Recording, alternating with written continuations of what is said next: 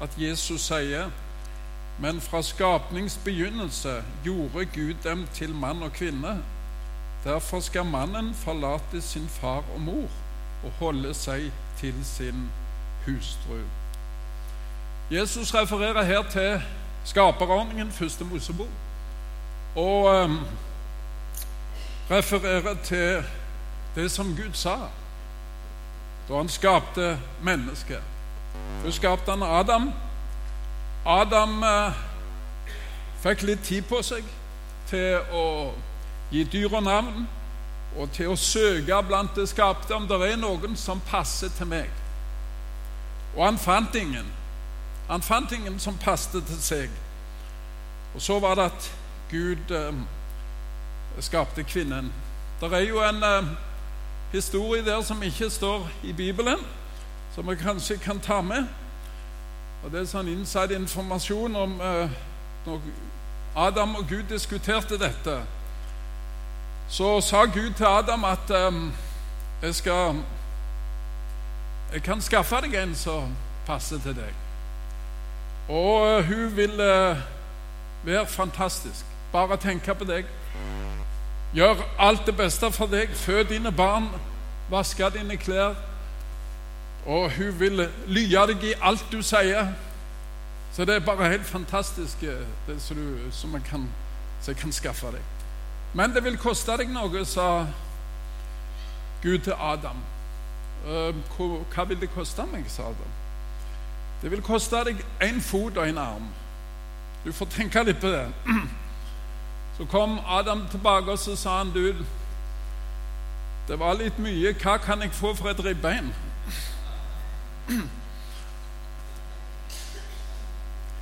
Så der forstår vi litt hvorfor det ble litt, litt uh, ned ifra fullkommen standard. Men tilbake til dette.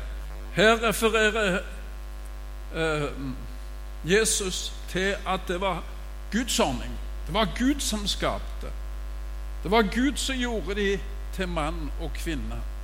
Og det er ikke noe samfunn, det er ikke noen ordning i hele vårt samfunn som ligner mer på himmelen enn en trygg, god heim.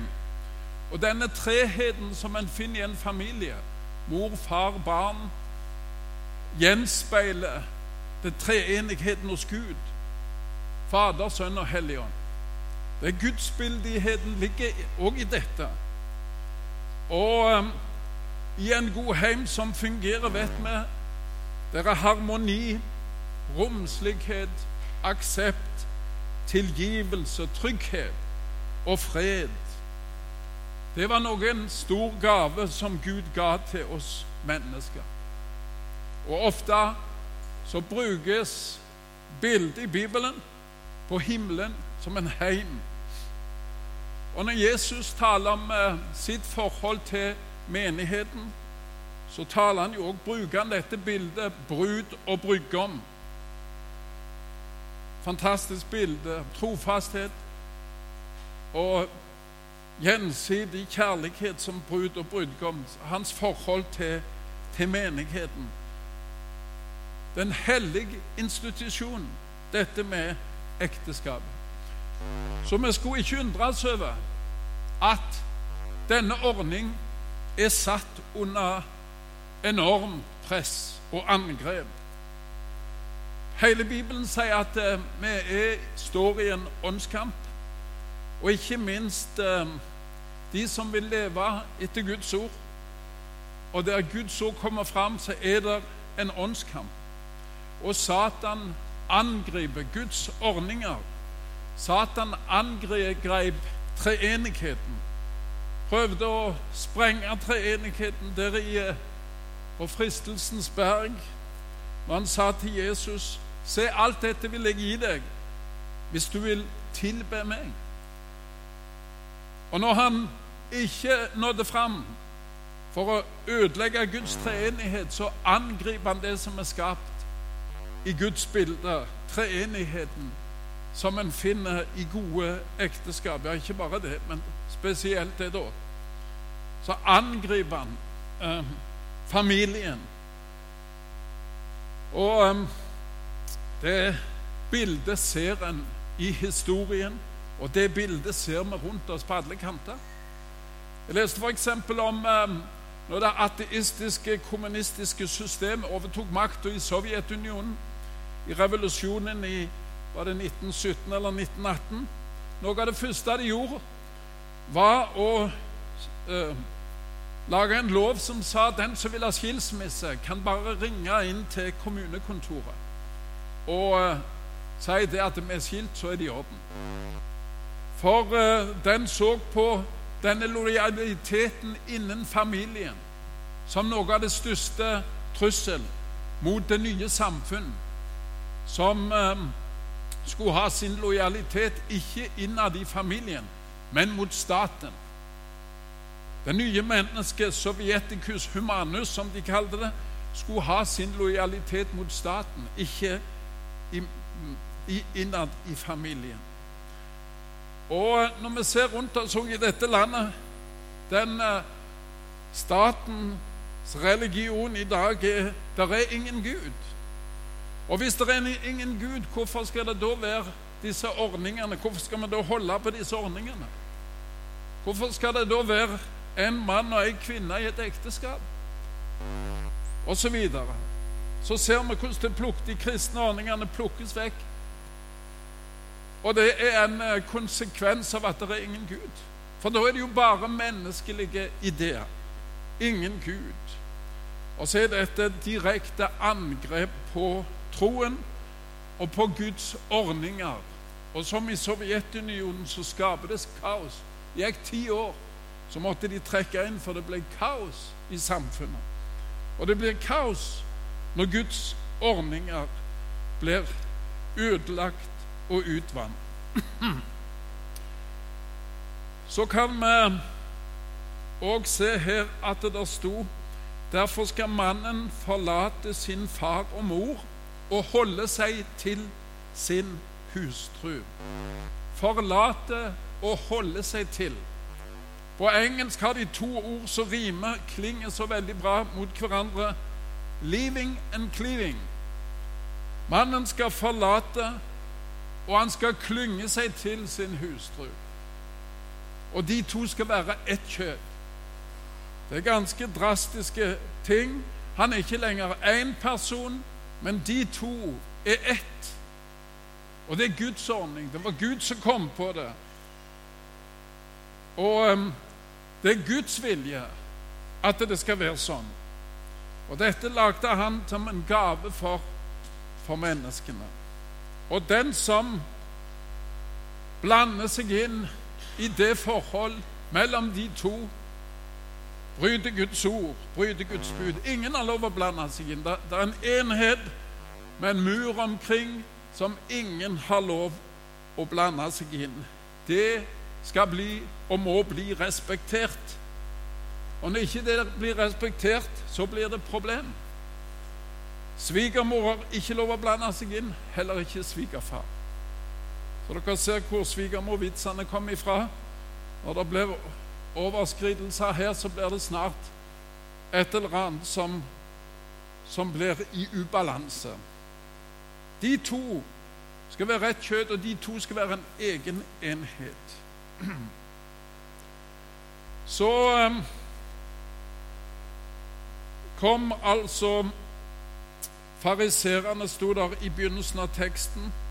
De kom for å, å friste Jesus. De eh, kom for å prøve ham, og da utfordra de ham på dette spørsmålet og disse spørsmålene. Er det lov, har en mann lov å skille seg fra sin hustru? Fariserene visste godt hva som sto i Skriftene. Og de visste godt hva som sto bl.a. i eh, profeten Malakias, det andre kapitlet, og slutten av det 15. og det, det 16. vers. Der står det Mot din ungdoms hustru må du ikke være troløs. For jeg hater skilsmisse, sier Herren, Israels Gud. Ved det dekker en sin kledning med vold, sier Herren, herskarenes Gud. Så ta vare på deres liv, og vær ikke troløse. Jeg hater skilsmisse, sier Herren. For hans forhold til oss mennesker er som brudgom og brud. Og han står for trofasthet og kjærlighet og tilgivelse. Og Han mente og også at dette skulle gjenspeiles i forholdet mellom de to i et ekteskap. Og at de ikke skulle skille seg ifra hverandre, men tilgi og ære hverandre og være trofaste mot hverandre. Og så kom fariserene, som de ofte gjorde, mot Jesus og prøver å sette ei snare for ham. Prøver å sette ham fast og undergrave hans troverdighet med å få ham liksom på banen og få ham til å si noe som ikke stemte med de gamle skriftene. Og så sier Jesus med et motspørsmål Hva har Moses sagt? sa Jesus. Hva har Moses sagt? Og Moses hadde sagt noe om det i 4. Mosebok, kapittel 24 og bl.a. vers 1, som vi kan ta med oss. Um, dersom en mann tar seg en hustru og gifter seg med henne, og han ikke bryr seg om henne fordi han har funnet noe ved henne som byr ham imot, da skal han skrive et skilsmissebrev og gi henne i hånden og sende henne bort fra sitt hus. Jo da, hva sa Moses? Jo, sier um, fariserene, Moses sa at eh, hvis en mann vil skille seg fra sin hustru, så skal han skrive et skilsmissebrev til henne. Og så sier Jesus ja, han gjorde det, men det var av deres hårde hjerter. Deres hårde hjerter. Hva betyr det uttrykket i Skriften? Deres hårde hjerter. Hårde hjerter, det er mennesker som ikke lenger vil lytte til Guds ord. Som ikke lenger vil eh, rette seg etter hans bud og instrukser og råd. Og i disse tilfeller av deres hårde hjerter så fant altså en Moses en måte å uh, gjøre skaden mindre på. At en mann han kunne ikke bare komme hjem til kona og si 'send henne av gårde', men han måtte lage et skilsmissebrev. Og Slik var det i jødisk tradisjon da, i tolkningen av dette verset og dette, denne saken, at det var forskjellig tolkning og forskjellig syn. Og De to hovedsynene i jødisk tradisjon var et liberalt syn. Og de tolka det som at mannen har all rett til å skille seg fra kona si hvis han er fornøyd, misfornøyd med et eller annet hos henne. F.eks. at du ikke lager god nok mat. F.eks. at du ikke er, er, han er fornøyd med hennes husstell. Hvis du har svidd kjøttkakene, f.eks., så kunne han skille seg ifra henne. Det var det liberale, liberale syn. Men så var det et konservativt syn som tolka det atskillig, atskillig strengere, som sa dette, denne setningen 'noe som byr ham imot', går på umoral. Seksuell umoral. Og hvis en da går til vi kan få opp de vers 11 eh, og 12 her. For disiplene spurte Jesus etter dette ehm, litt mer forklaring, og han sier den som skiller seg fra sin hustru og gifter seg med en annen, gjør seg skyldig i hor mot henne. Og dersom en kvinne skiller seg fra sin mann og gifter seg med en annen, så driver hun hor. Hvis en leser disse ordene nøye, så ser en det at eh, den som driver hor, det er den aktive part i en sånn en sak, i en skilsmissesak. Den som skiller seg fra sin hustru og gifter seg med en annen, han driver hor. Ikke den som blir fraskilt. Den som blir fraskilt, kan svært ofte være den uskyldige part. Nå er det noen som sier det ikke fins uskyldige parter i sånne saker, men det tror jeg ikke stemmer. I noen saker kanskje, men i mange, mange saker så fins det virkelig uskyldige parter. Og som òg føler seg dømt av disse ord. Da er det den som er aktive i slike saker, som driver hor, ikke den som blir utsatt for en skilsmisse på den måten. Denne talen til Jesus den er referert flere plasser hos, eh, i evangeliene, både hos Lukas og i Matteus. Og Matteus kapittel 19 vers 9 skal vi ta med. Det er samme talen, men Matteus har med en viktig ekstra setning. Og eh, Matteus kapittel 19 vers 9, eh, der står det sånn men jeg sier dere, den som skiller seg fra sin hustru av noen annen grunn enn hor, og gifter seg med en annen, han driver hor. Og den som gifter seg med en fraskilt kvinne, han driver hor. Det er samme talen, samme situasjon, men Matteus har med denne setningen som i eh, Forskningen er blitt kalt for unntagelsesklausulen. Det er altså ikke all skilsmisse som er synd. Jesus sier ja, det er synd å bryte sitt ekteskapsløfte, men det er et unntak. Unntaket er På norsk heter det her 'for hors skyld'. På gresk er det brukt et ord som vi kjenner igjen, som heter porneia. Pornografi. Som er mye videre enn bare at to faller i seksuell synd med hverandre, f.eks. Det har ikke bare med samleie å gjøre. Porneia. Det har med et vidt begrep når det gjelder seksuell umoral. Homoseksualitet incest, blotting osv. Vedvarende seksuell flørting med andre osv. Det er et vidt begrep. Den som skiller seg fra sin hustru uten noen annen grunn Der er altså en grunn.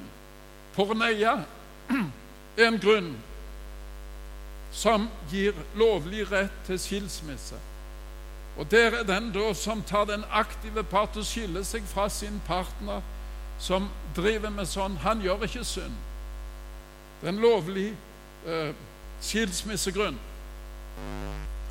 Er det i Skriften andre lovlige skilsmissegrunner som ikke er synd? Det er faktisk det, og da skal vi gå til Paulus brev til um, korinterne. Um, I Paulus brev til korinterne kapittel 6 og 7 der eh, står det om moralspørsmål. Og eh, første Korinterbrev er skreven som spørsmål til Paulus i etiske problem. Det er jo en menighet som er kommet ut fra hedenskap, og de har mange spørsmål. Og de svar som vi finner i første Korinterbrev, det er svar på de spørsmål som denne hedninge menigheten hadde. Paulus skriver om menigheten sånn i eh, kapittel 6, vers 9-11. Da beskriver han menigheten. Eller vet dere ikke at de som gjør urett, ikke skal arve Guds rike? Far ikke vil verken horkarer eller avgudsdyrkere eller ekteskapsbrytere eller de som lar seg bruke av, av til unaturlig utukt eller menn som øver utukt med menn, eller tyver, eller pengegriske, eller dranker, eller baktalere, eller røvere, skal arve Guds rike. Og så sier han slik var det en gang med noen av dere. Det var dette dere holdt på med. Men dere har latt dere vaske rene. Dere er blitt helliget dere er blitt rettferdiggjort i den Herre Jesu navn og i vår Guds ånd. Alt det grums hadde foregått i menigheten. Men nå er de blitt vasket rene av rettferdiggjort i Jesu Kristi navn. Og så får han spørsmål hva med skilsmisse og ekteskap. Og her er det i en tale søndag formiddag altfor lite tid til å gå inn i detaljene. Men vi skal lese Paulus' svar fra kapittel 7, vers 12 til 15. Og der står det slik Til de andre sier jeg her, ikke Herren. Til de andre sier jeg, ikke Herren. Dersom en bror har en hustru som ikke er troende, og hun samtykker i å bo hos ham, da skal han ikke skille seg fra henne. Og dersom en kvinne har en vantro mann, og denne samtykker i å bo hos henne, da skal hun ikke skille seg fra ham. For den vantro mann er helliget ved sin hustru, og den vantro hustru er helliget ved den kristne bror. Ellers ville jo også deres barn være urene, men nå er de hellige. Og så kommer det Men dersom den vantro skiller seg, så la ham gjøre det. En kristen bror eller søster er ikke trellbundet i slike ting, for Gud kalte oss til fred. Altså Hvis et ektepar der den ene er kristen og vil leve for Jesus, og den andre ikke er, og den eh, vantro vil skille seg, så skal han få gjøre det. Da står det at i et slikt tilfelle så er den som øh, Den troende der i det tilfellet ikke trellbundet i en sånn en sak. Altså En ser i begge disse to unntak så er det den andre part som bryter ekteskapsløftet. Og da er ikke den andre først med hor og her med aktiv skilsmisse. Og da er ikke den som sitter igjen, trellbundet i slike ting, for Gud kalte oss til fred. Um, hvis en ser litt videre i dette kapitlet i Paulus, så står det altså i vers 26 og vers 40 to ting som jeg kanskje kunne understreke. I vers 26 står det det når han gir disse råd, så sier han jeg mener da dette på grunn av den nødstid vi lever i. Altså Her går rett og slett Paulus inn, og så gir han etiske råd med bakgrunn i den nødstid og den situasjonen som de lever i. Og Her gir han f.eks. råd som kan se ut som å gå på tvers av første Mosebok 1, der eh, Gud sier eh, Gift dere og bli mange, for å si det sånn. Her gir Paulus det rådet at det kanskje er best å ikke gifte seg, osv. Mitt poeng her er at Paulus gir råd i ting som på en måte Jesus ikke har uttalt seg om. Men med Den hellige ånd så gir han praktiske råd til en menighet som sitter i disse praktiske problemene.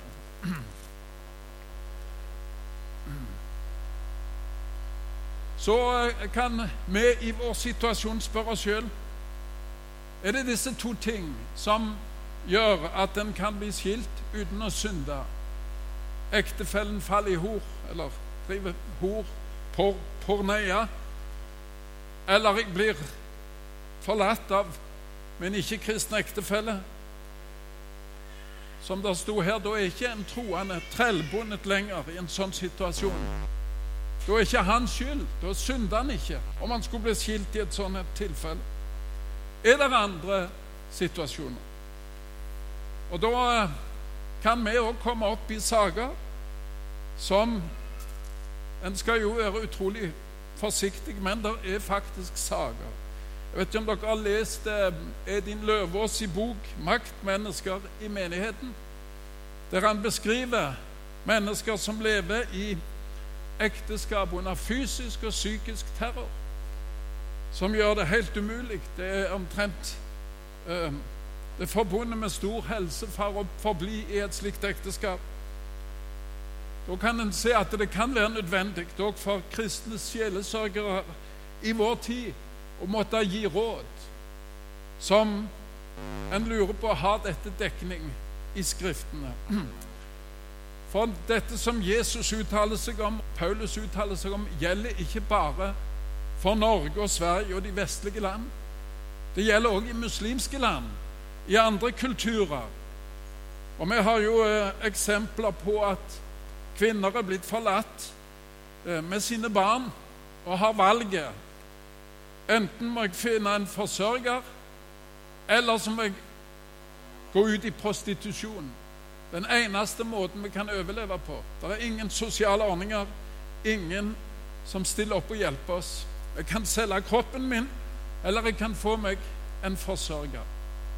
Og Da kan den kristne ledere måtte gå inn og gi råd, praktiske råd, som en må spørre seg sjøl har disse dekning i Skriftene. Så kommer en til det tredje og siste punkt her i eh, vår eh, tekst i dag. Hva med gjengifte, da? Hva med gjengifte? Og det er vel kanskje det vanskeligste punkt denne, i denne teksten. Som ungdommer så hørte vi ofte av eldre kristne omtalt dette med gjengifte som om det er den utilgivelige synd. Og noen var svært harde. Det var ingen nåde. Til vedkommende fikk dette inn i sin familie. Inn iblant sine egne, sine barn, som ble urettmessig både skilt osv. Og, og det undra meg som ungdom plutselig Noen av de som hadde vært harde, plutselig så forandra de mening. Så var det visst ikke så helt imot alle skriftene likevel og um, til og med gjengifte. Tragedien ble så nærgående, nærgående. Vi har en god venn i Kenya som uh, i dag er biskop. Når vi kom ut der på 70-tallet, så var vi på samme nivå. Han var lærer, og jeg var evangelist, misjonær, og nå er han biskop. Og Jeg sier til han jeg har forblitt der, men du har gått ganske mange runder framover. Men han kom, han hadde vært i England, kom hjem til oss her på Madla. Vi satt og diskuterte, han spurte om disse ting. Hva lærer dere i deres menighet? Nå har jeg vært i to grupper, sånn, i to heimer. I den ene heimen så var det en enslig mann med barn, og han eh, spurte Eller jeg spurte han hvorfor har du ikke gifta deg igjen. Han var skilt. Kona hadde reist med en annen. Og han sa det, sa han, at eh, Nei, jeg tror ikke det er rett å gifte seg igjen. Jeg vil ikke både miste ekteskap og miste evigheten. Så det var hans um, definisjon av dette spørsmålet. Så kom jeg inn i en annen familie, sa.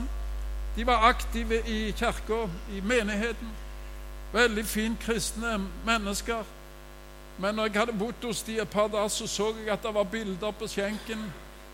At de, de var fotografert med andre ektefeller og andre barn. Og så sa de til meg det at du undrer deg kanskje på at her er det bilder sånn og sånn at vi har andre ektefeller, og det stemmer, det. Begge vi to ble forlatt av våre ektefeller. Og hadde tenkt at vi skulle leve enslig. Men etter en god del år så traff vi hverandre i menigheten og fant ut at vi skulle gifte oss. Det er ikke det er ideelle ordning, men det er en ordning som vi har fått tro for, sa de. Og Så spurte denne biskopen hva lærer dere her?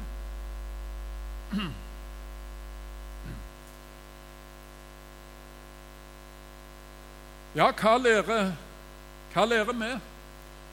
Hva skal vi si i slike situasjoner?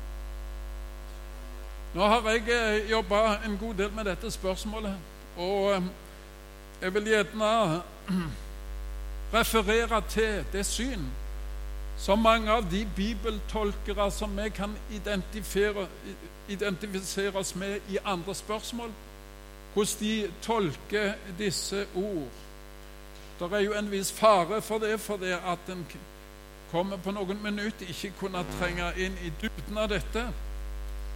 Men jeg kan referere ganske kort at som sagt bibeltro i de fleste spørsmål som jeg kjenner til, fortolkere praktiserer det slik at den som er skilt uten synd, den som er den, liksom den uskyldige part, hvor eh, ektemagen har brutt ektepakten med utroskap eller med tvungen skilsmisse, er ikke lenger trellbundet, er ikke lenger bundet av det løftet. Og um, vedkommende som er blitt utsatt for dette, er da fri. Fri til å gifte seg på nytt. Altså beskrevet som den uskyldige part. Det praktiseres i mange engelsktalende menigheter som vi ellers kan identifisere seg med. Vi ellers kan identifisere oss med. Og um, skille seg og gifte seg igjen pga. at en sier 'Å, jeg er blitt så glad i en annen person', det holder ikke. Det er ingen argument som har dekning i noen plass i Guds ord i det hele tatt. Og her kan en da finne all slags avskygninger.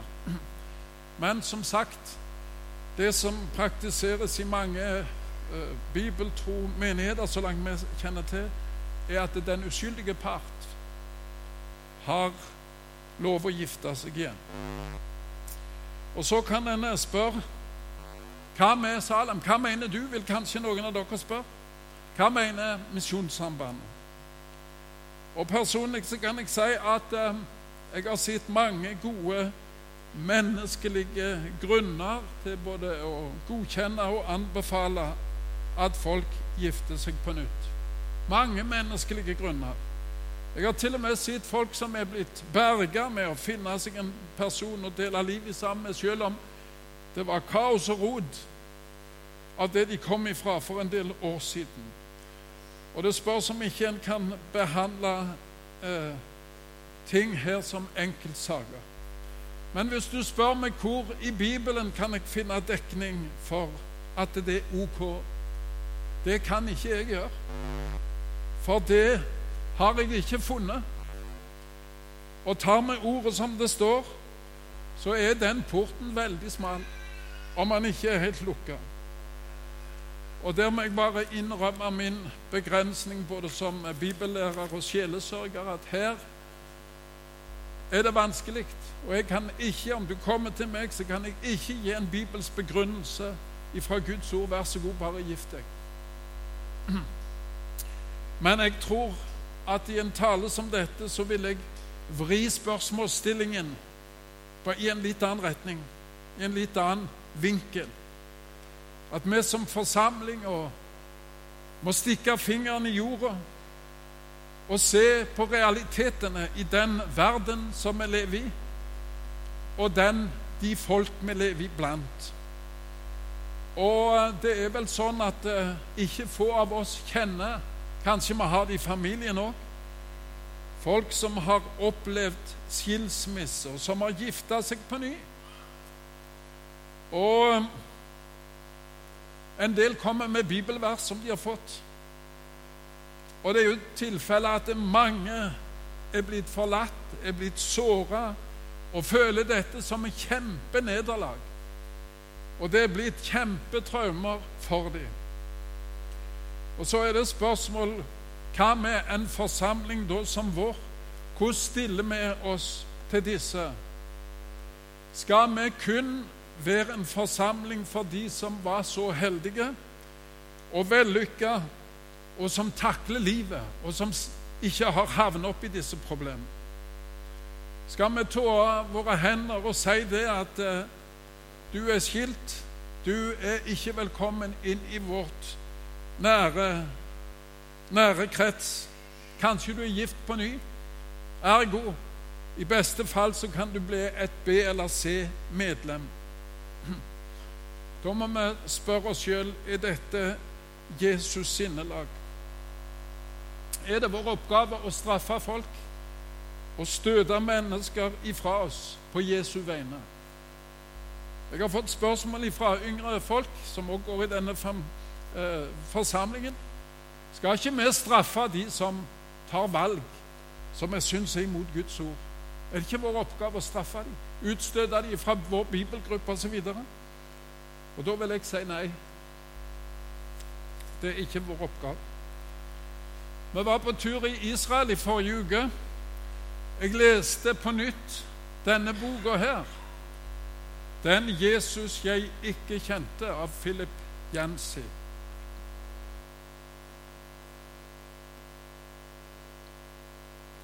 Det som eh, slo meg på nytt igjen, det var hvem Jesus hadde tiltrekningskraft på. Hvem var det som samla seg rundt ham? Og han sa sjøl det er ikke de friske som trenger lege, men de som har det vondt. Underlig å se de som Jesus kom på kollisjonskurs med, det var de som fiksa livet. De som hadde alt i orden, og de som trodde de holdt loven. Men sjøl hadde han en magisk tiltrekningskraft på de som hadde litt nederlag. De som ikke hadde takla livet, og de som hadde havna opp i ulykker på så mange måter. Og Så sier også Hebreabrevet 4,15.: Vi har ikke en ypperste prest som ikke kan ha medynk med våre skrøpeligheter, men vi har en som er prøvd i alt, i likhet med oss. Og hvis ikke disse spørsmål her, med de mange avskygninger i dag, kan regnes iblant våre skrøpeligheter, ja, så vet ikke jeg hva som kan. Her vet vi det er utrolig mye nød. Og jeg må si mitt personlige vitnesbyrd, og det tror jeg eh, stemmer med det som jeg finner i Skriften. Jeg har ingen tro på å møte mennesker som kjemper med disse spørsmål, som er utsatt for disse spørsmål, som har tatt feil valg, til å møte disse med fordømmelse, med loven.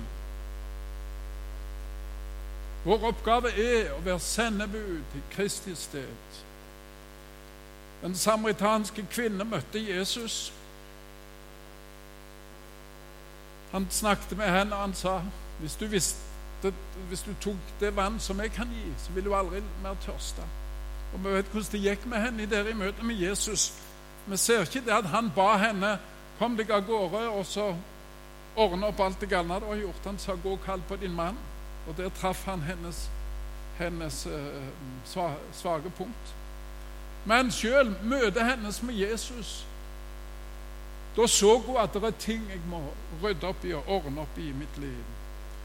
Sakkeus satt oppi morbærtreet, en riktig bedrager. Jesus gikk ikke bort til ham med ei lang liste. Du må ordne opp disse tingene før jeg kan komme inn i ditt hus. Akkurat som Sakkeus var, så sa Jesus i dag vil jeg gå inn i ditt hus. Og når en er inne på disse sårbare spørsmål, så tror jeg verken ulovlig skilsmisse eller gjengifte Om det er blitt gjort på feil måte, eller Den som søker tilbake til Herren i den situasjonen som han er Der står en del om det. En skal komme som en er. Der er tilgivelse hos Gud. Der er oppgjør. Og jeg har tro på å forkynne evangeliet for alle mennesker i den situasjonen de er, uten først å gi dem ei smørbrødliste på alt i morgen. Så vil mange praktiske ting løse seg, tror jeg. I møte med Jesus så er det mange som vil få se det er ting som jeg må ordne opp i, som, som er Det er ting som jeg må ordne opp i hvis jeg skal kunne fortsette å leve i sammen med Ham. Titus 2, 11. Der står det et ord 11 til 12. For Guds nåde er åpenbart til frelse for alle mennesker. Den opptukter oss til å fornekte ugudelighet og verslige lyster, til å leve sedelig og rettferdig og gudfryktig i den verden som nå er. Jeg har tro på å forkynne evangeliet.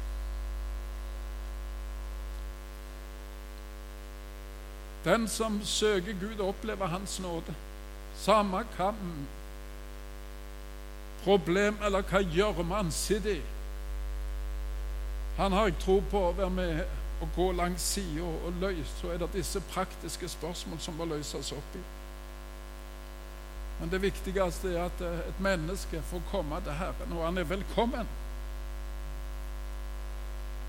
Uansett hva stilling en er i, uansett hvordan en har rota det til, uansett hva feil valg han har gjort i livet, så er han velkommen.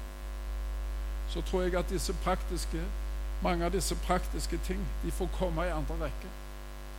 Og så vil ting løse seg med at folk får et møte med Jesus. Og så vil de få se løsningen på en del ting om hvordan jeg må ordne meg. Og som kristne brødre og søstre så skal vi ikke støyte vekk synderen. Vi kan få en forsamling uten syndere, med bare vellykka folk. For synderen trives ikke her, for her blir han møtt med fordømmelse av de som fikk det til, av de som var vellykka. Skal vi ikke som kristne brødre og søstre se at vi sender bud i Kristi sted? Og spesielt de som det gikk gale for, trenger vår forbønn og kjærlighet.